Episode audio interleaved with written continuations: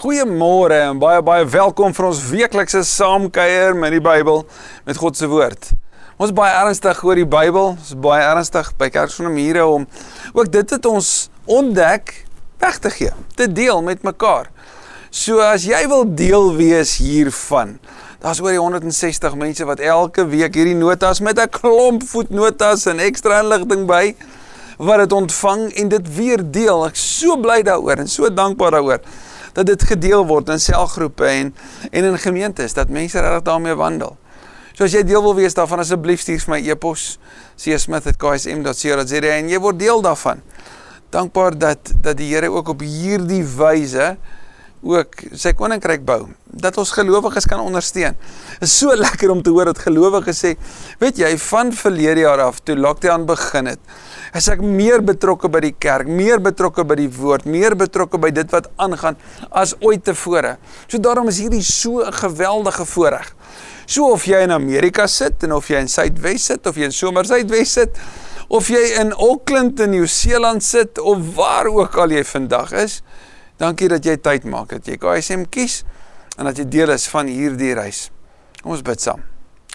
Dankie Here Jesus vir u woord. Dankie dat ons opgewonde kan wees oor wat in die woord staan. Dat ons vars nuus by die prediker kry.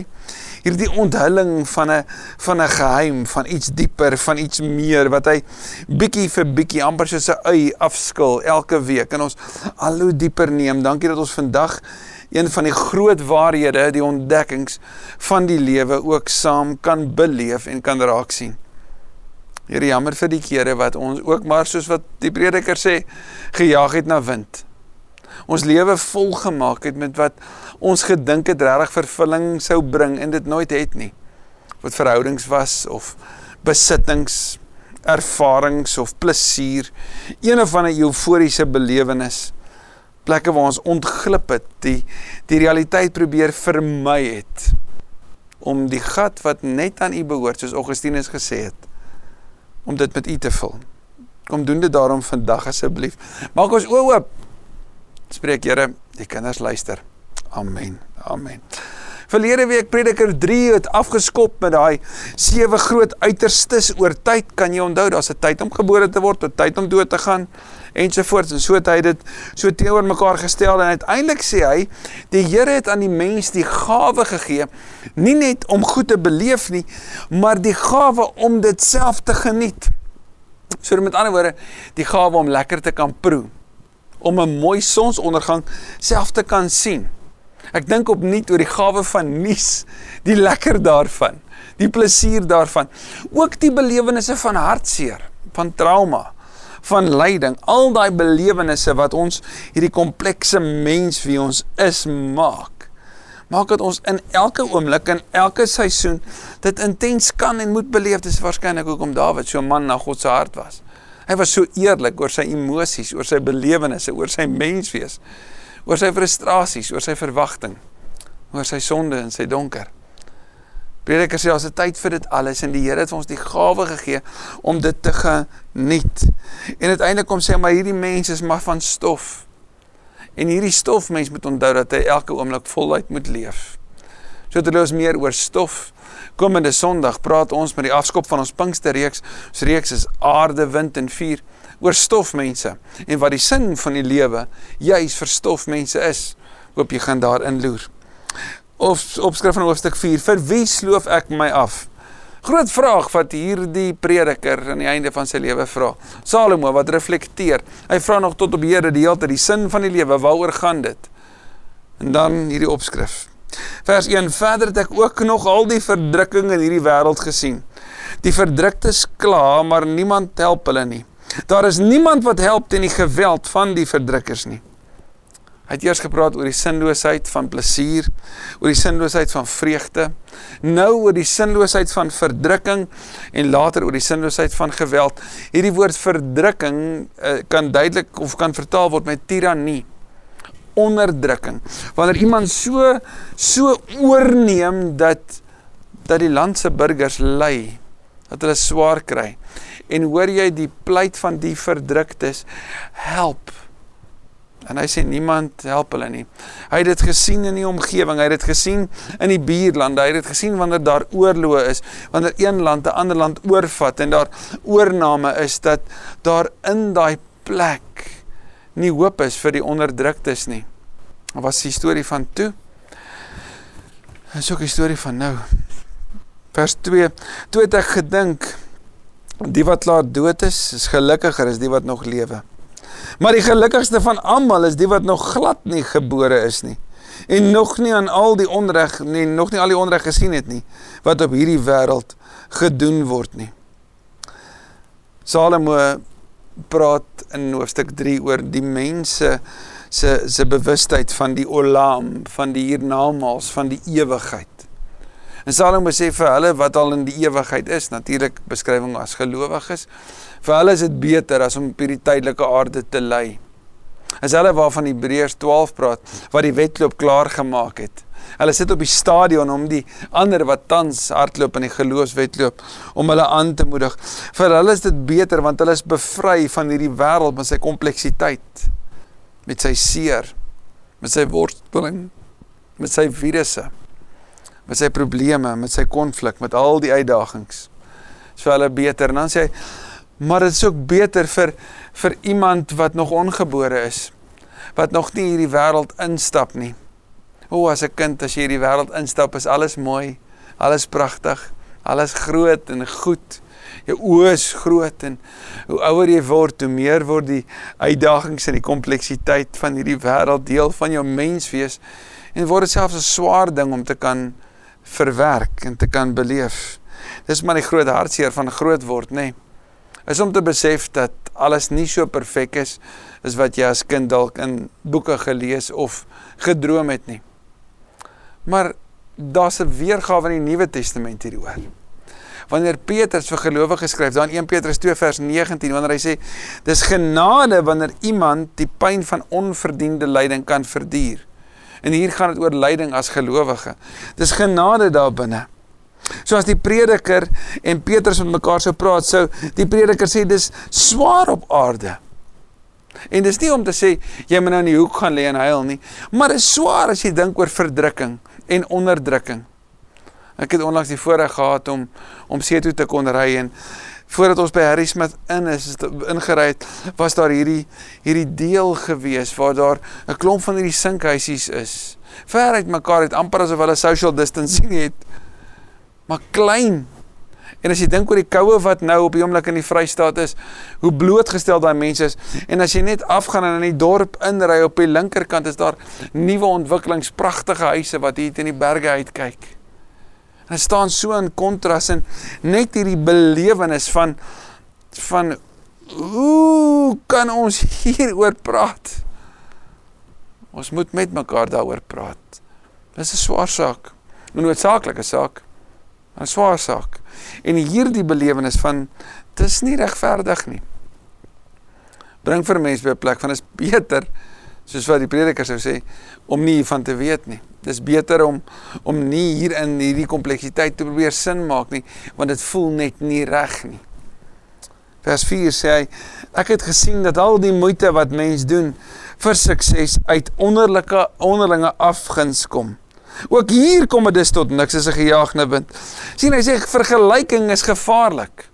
Want mense wat probeer om voor te kom, probeer nie net voorkom in die lewe nie, hulle probeer voor ander kom. Hulle wil die groter huis hê, die hoër pos, die groter salaris of die groter motor. Hulle wil 'n beter foto op Instagram hê. Hulle wil die nuutste buitelandse besoek hê. Wat ook al dit is, solank dit beter is as die ou langs my. Dis onderlinge afguns wat kom uit die sonde van vergelyking en ons weet vergelyking bring ons by onvergenoegdheid en ontevredenheid en dit steel ons beroof ons van vreugde. En die hartseer is dat dat daar mense is wat in hulle in hulle tuislande of in hulle plekke van afkoms gaan huise bou en dan is die omgewing jaloers daarop en dan word daar misdaad daar gepleeg. Hoe hartseer is dit dat ons so afgunstig is teenoor mekaar. Hoe ons nie bly kan wees oor iemand anders nie. Ek het 'n goeie vriend. Ek en hy deel liefde vir motors. En een ding wat ek van my vriend kan sê is nog elke keer. Nog elke keer as ek en hy 'n ander motor sou ry, net sy tweedehands of nie, het ons vreugde gevind in mekaar se voorregte. Nie afgunstig gewees nie. Nie vergelyk nie, maar gedeel en daai is 'n baie baie lekker plek om te wees. Maar stel jouself voor, jy het drie vriende wat die hele tyd oor mekaar se skouers loer. So, jy het die nuutste Duitse motor? Nee nee, ek het die Japaneese weergawe. Nee nee nee, ek het ek het die een wat wat uit Amerika uitkom, of hoe dit ook al sê. Vergelyking, vergelyking, vergelyking. Wie is die grootste? Wie is die beste? En die prediker sê hierdie is jewel, dit kom tot niks. Dis 'n gejaag na wind. Vers 15 teenoor vers 5 teenoor die ryke wat alles bymekaar wil maak en uiteindelik moet besef dis 'n gejaag na wind is daar die wat hande vou en niks doen nie, want dis ook so. Dis ook 'n realiteit dat daar sommige is wat sê ek wil nie werk nie. Ek gaan nie werk nie. Ek gaan nie eens probeer nie. Die dwaas vou sy hande en bewerk so sy eie ondergang. So teenoor die harde werk trek die dwaas homself en ander saam met hom af omdat hy nie self wil werk nie gewoonlik die een wat vir ander wil sê wat hulle moet doen en dit nie self doen nie. Weet jy wat sê die Bybel in 2 Tessalonisense 3 vers 10? As jy nie werk nie, kan jy nie eet nie. As jy nie werk nie, kan jy nie eet nie. Jy kan nie hande gevou sit en verwag van ander om dit vir jou te doen nie. So jy moet woeker. Jy moet werskaf. Jy moet gebruik wat jy het. Maar jy moet dit so doen dat dit nie 'n vergelyking met ander is nie. Jy moet dit so doen omdat soos hoofstuk 3 dit vir jou gesê het, dit 'n vreugde is om dit te doen. Nie 'n manier om jouself bo ander te verhef nie. Vers 6: Hy vind een handvol rus beter as 'n dubbele handvol werk. Hierdie is 'n baie interessante stelling. Hy vind een handvol rus beter as 'n dubbele handvol werk want aan die een kant as dit verbind word en binne die konteks sal dit wees met die voorafgaande is dit die dwaas wat daarvan hou om te rus. So om liewer beter om om volledig te rus as om so hard te werk. Aan die ander kant sou jy dit in vergelyking met beide die voorafgaande te te te plaas waarin die een sê jy te veel gewerk en die ander een sê die een te veel gerus is die uiteinde van 'n wyse lewe om beide te doen. Om hard te werk maar om te rus om te onthou om te rus. Sondag gaan jy luister en leer by by die Pinkster dat dat God se rus is nie om om op te hou werk nie, maar om teenwoordig te wees, om naby te wees. So ek moenie so werk dat ek nie meer teenwoordig is nie, nie dat ek nie meer tuis is nie, nie meer hier is nie. En ek moet ook nie net so hier wees die hele tyd dat ek nie my verantwoordelikheid nakom nie. Dis beide nodig. Maar selfs in dit sê die prediker, dit gaan jou nie vervul nie. Ook dit is 'n gejaag na wind. 'n Geïntegreerde lewe is 'n meer sinvolle lewe, maar hy's nog die heeltyd besig om om ons te bring na 'n groter ontdekking van maar daar's meer. Daar's meer. Soos Handelinge sê dan hoofstuk 17, dit is in hom wat ons leef en beweeg en en bestaan. Daar's meer. Ek het in hierdie wêreld nog meer gesien wat tot niks kom nie. Daar was 'n man wat alleen was, sonder seun of broer. Tog was daar nie 'n einde aan sy inspanning nie en was hy steeds op soek na meer. Herinner ons aan die boer met die skuur daar in die Nuwe Testament waar Jesus vertel. Hierdie alleen mens wat homself geïsoleer het, wat so hard werk. So hy sou die beste kos kon kry of by die beste Ubers dit kon bestel, Uber Eats of waar ook al. Hy het die beste motors gery, die beste besittings gehad hy hy kon oral gaan waar hy wou en uiteindelik het dit hom nie vervul nie. Dit was nie genoeg nie. En was hy alleen. Hy moes later sê, "Vir wie sloof ek my af? Ek kon sê my die aangename dinge. Ook hier kom dit tot niks en is 'n harde saak. 'n harde saak om te moet erken ek het so hard gewerk en soveel tyd gemors. Waarop kom dit dan uiteindelik neer? En een van die groot waarhede van die boek Prediker kom nou hier in hoofstuk 4 in die middel van twee gedeeltes, so half van die middel, so half weggesteek vir ons na vore. Vers 9: Twee vaar beter as een, hulle inspanning kom tot iets. So die inspanning van die alleenreisiger kom tot niks, dis 'n gejaag na wind. Maar wanneer twee saam dit doen, dan doen hulle beter. Hulle bereik meer. Want sien, die lewe is bedoel om in verhoudings geleef te word. Nie alleen nie, maar saam. Jesus stuur die mens 2-2 uit. Jesus herinner ons daaraan dat dat ons na die wêreld toe moet gaan om vir hulle te vertel maar jy's deel van 'n familie. Ons lees in Genesis dat ons geskep is vanuit verhouding vir verhouding. God het gesê kom ons, dis 'n God van verhouding. Maak die mens as ons verteenwoordiger. Dis om hierdie verhouding voort te gaan leef. Twee vaar beter as een sê die prediker. Hulle inspanning kom tot iets. As die een val, kan die ander een hom ophelp. Maar as die een val wat alleen is, is daar niemand om hom op te help nie. Aan die eerste kant van van van dit kom sê dit vir ons dis gevaarlik om alleen te reis. Was baie gevaarlik in die Bybelse tyd. Jy het nooit alleen gereis nie. Daarom so vreemd dat 'n swanger Maria na Elisabet toe gaan alleen, alleen reis. Ons sien daar in Lukas 10 die vergelykenis van die barmhartige Samaritaan, miskien beter te sê die warmhartige Samaritaan, dat hy die die reisiger wat alleen onder die rowers geval het en en alles amper verloor het, ook sy lewe amper verloor het, moes help. Hoe sou daar iem weet hoe sy homself kon help? Hy het iemand nodig gehad en die Samaritaan was daar om hom te help, hierdie reisiger. En prediker, hoor ons, as jy val en jy het iemand by jou, kan iemand jou help as jy oor 'n klip struikel. Maar dit sê ook iets anders van die lewe, nie waar nie? Want dis so, ons almal struikel en val in baie opsigte. Ons moet dit maar vir mekaar sê. Daarom het ons mekaar nodig. Gaan lees maar al die mekaar tekste in die Bybel. Jy het iemand nodig om daar te wees vir jou. Jy's nie bedoel om alleen te wees nie, want hierdie lewe is gevaarlik. Veral ook in jou wandel met die Here. Gaan daar uitdagings wees. Jy het iemand nodig dat as jy val, wat jou kan ophelp. As twee langs mekaar slaap, word hulle warm, maar hoe sal een wat alleen wees warm word? Nou gaan ons vanaf die gevaar van die lewe na die koue van die woestynnag. Hoe sal jy warm word sonder iemand wat jou kan help? Vers 12: Een alleen kan oorweldig word. Twee saam kan weerstand bied. 'n drie dubbele tou breek nie maklik nie. In vers 8 praat hy oor 1, in vers 9 praat hy oor 2 en hier in vers 12 oor 3. Dis mooi hierdie hierdie opbou. Kyk net mooi. Hy sê dat verhoudings maak ons tot meer in staat. Dit maak dit vir ons veilig. Dit maak dit vir ons warm en dan sê hy dit maak dit vir ons astronomies meer want 1 + 1 is 3.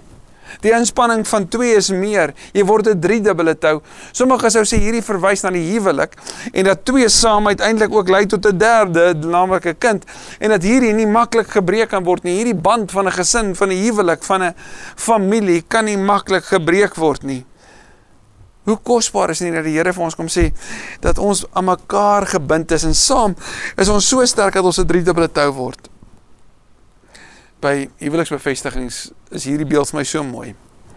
Want wanneer 'n paartjie om die middeltou gevleg word wat Christus is, as hy deel is van anders, sal hulle nie maklik gebreek word nie.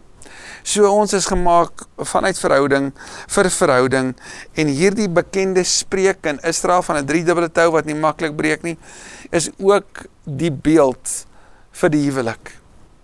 As Jesus die middelpunt is, dan gaan dit ons nie breek nie. Dan kan ons nie maklik gebreek word nie. Want ons bly om die Here vleg. Hy bly die middelpunt. Die prediker gaan verder. En hy gee uiteindelik sy hartseer epitaf, sy hartseer naskrif oor sy eie lewe.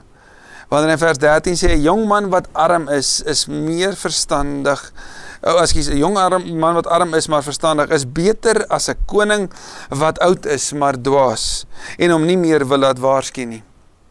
Hierdie jong man verwys waarskynlik na Jerobeam. Ons lees van hom daar in 1 Konings 11 vers 26 tot 28. Jerobeam wie se pa 'n dienaar was van van Salomo maar wat al gesterf het, so hy was die seun van 'n weduwee wat in opstand gekom het teen teen Salomo wat baie vermoond was. Uiteindelik is dit Jerobeam se toewyding wat meegebring het dat dat Salomo hom aan sou stel.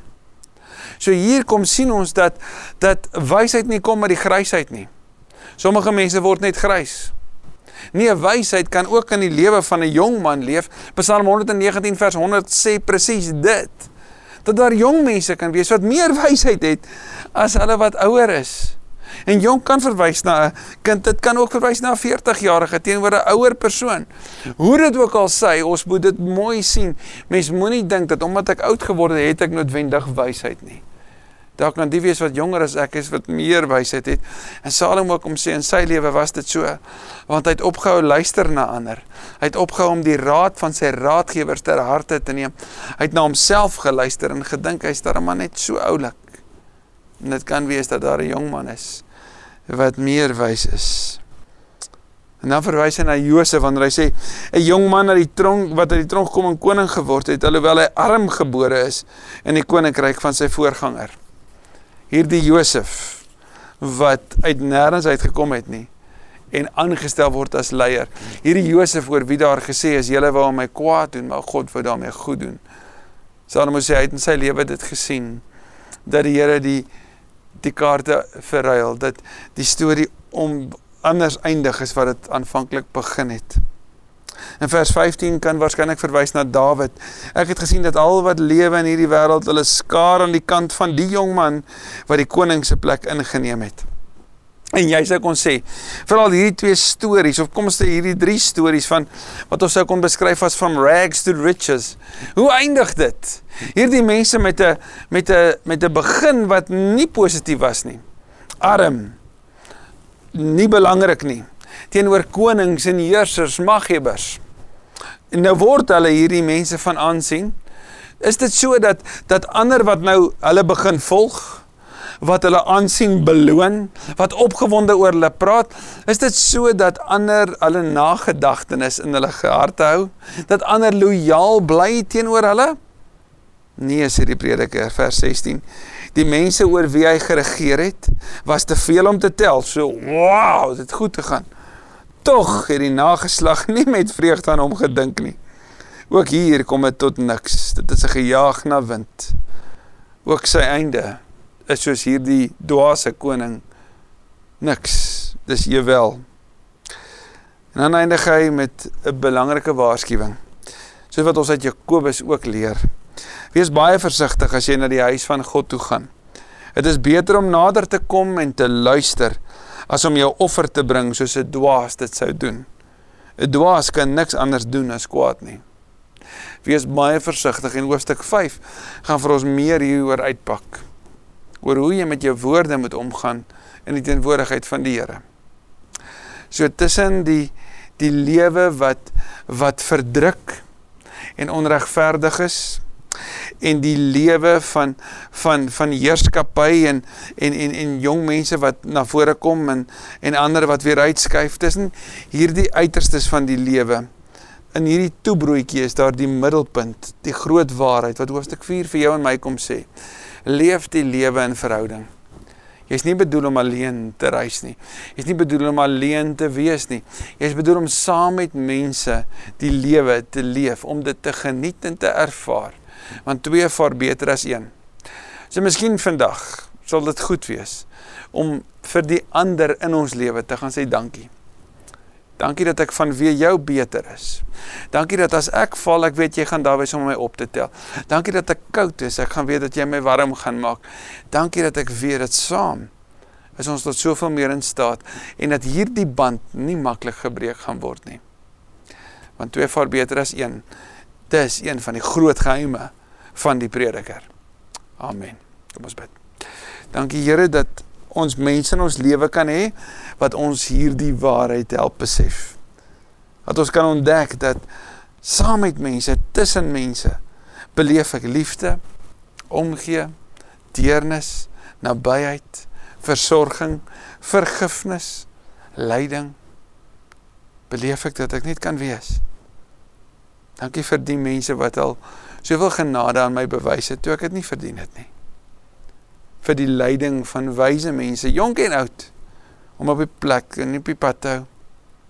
Dankie vir hulle wat die Bybel af my oopgebreek het en vir my nuwe waarhede ge, ge, geleer het, wat my opnuut laat besef het, maar hierdie is waar.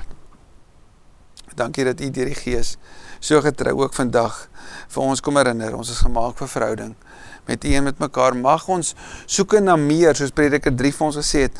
Ons so gemaak is om hierdie God van wie ons weet hy is die ewige Here, die die Here van die onbepaalde tyd. Is die Here wat ons nooit ten volle sal kan begryp nie. Dat ons juis hierdie soeke het na meer, dat U ons juis daarin sal lei. So op pad na hoofstuk 5 toe asseblief Here.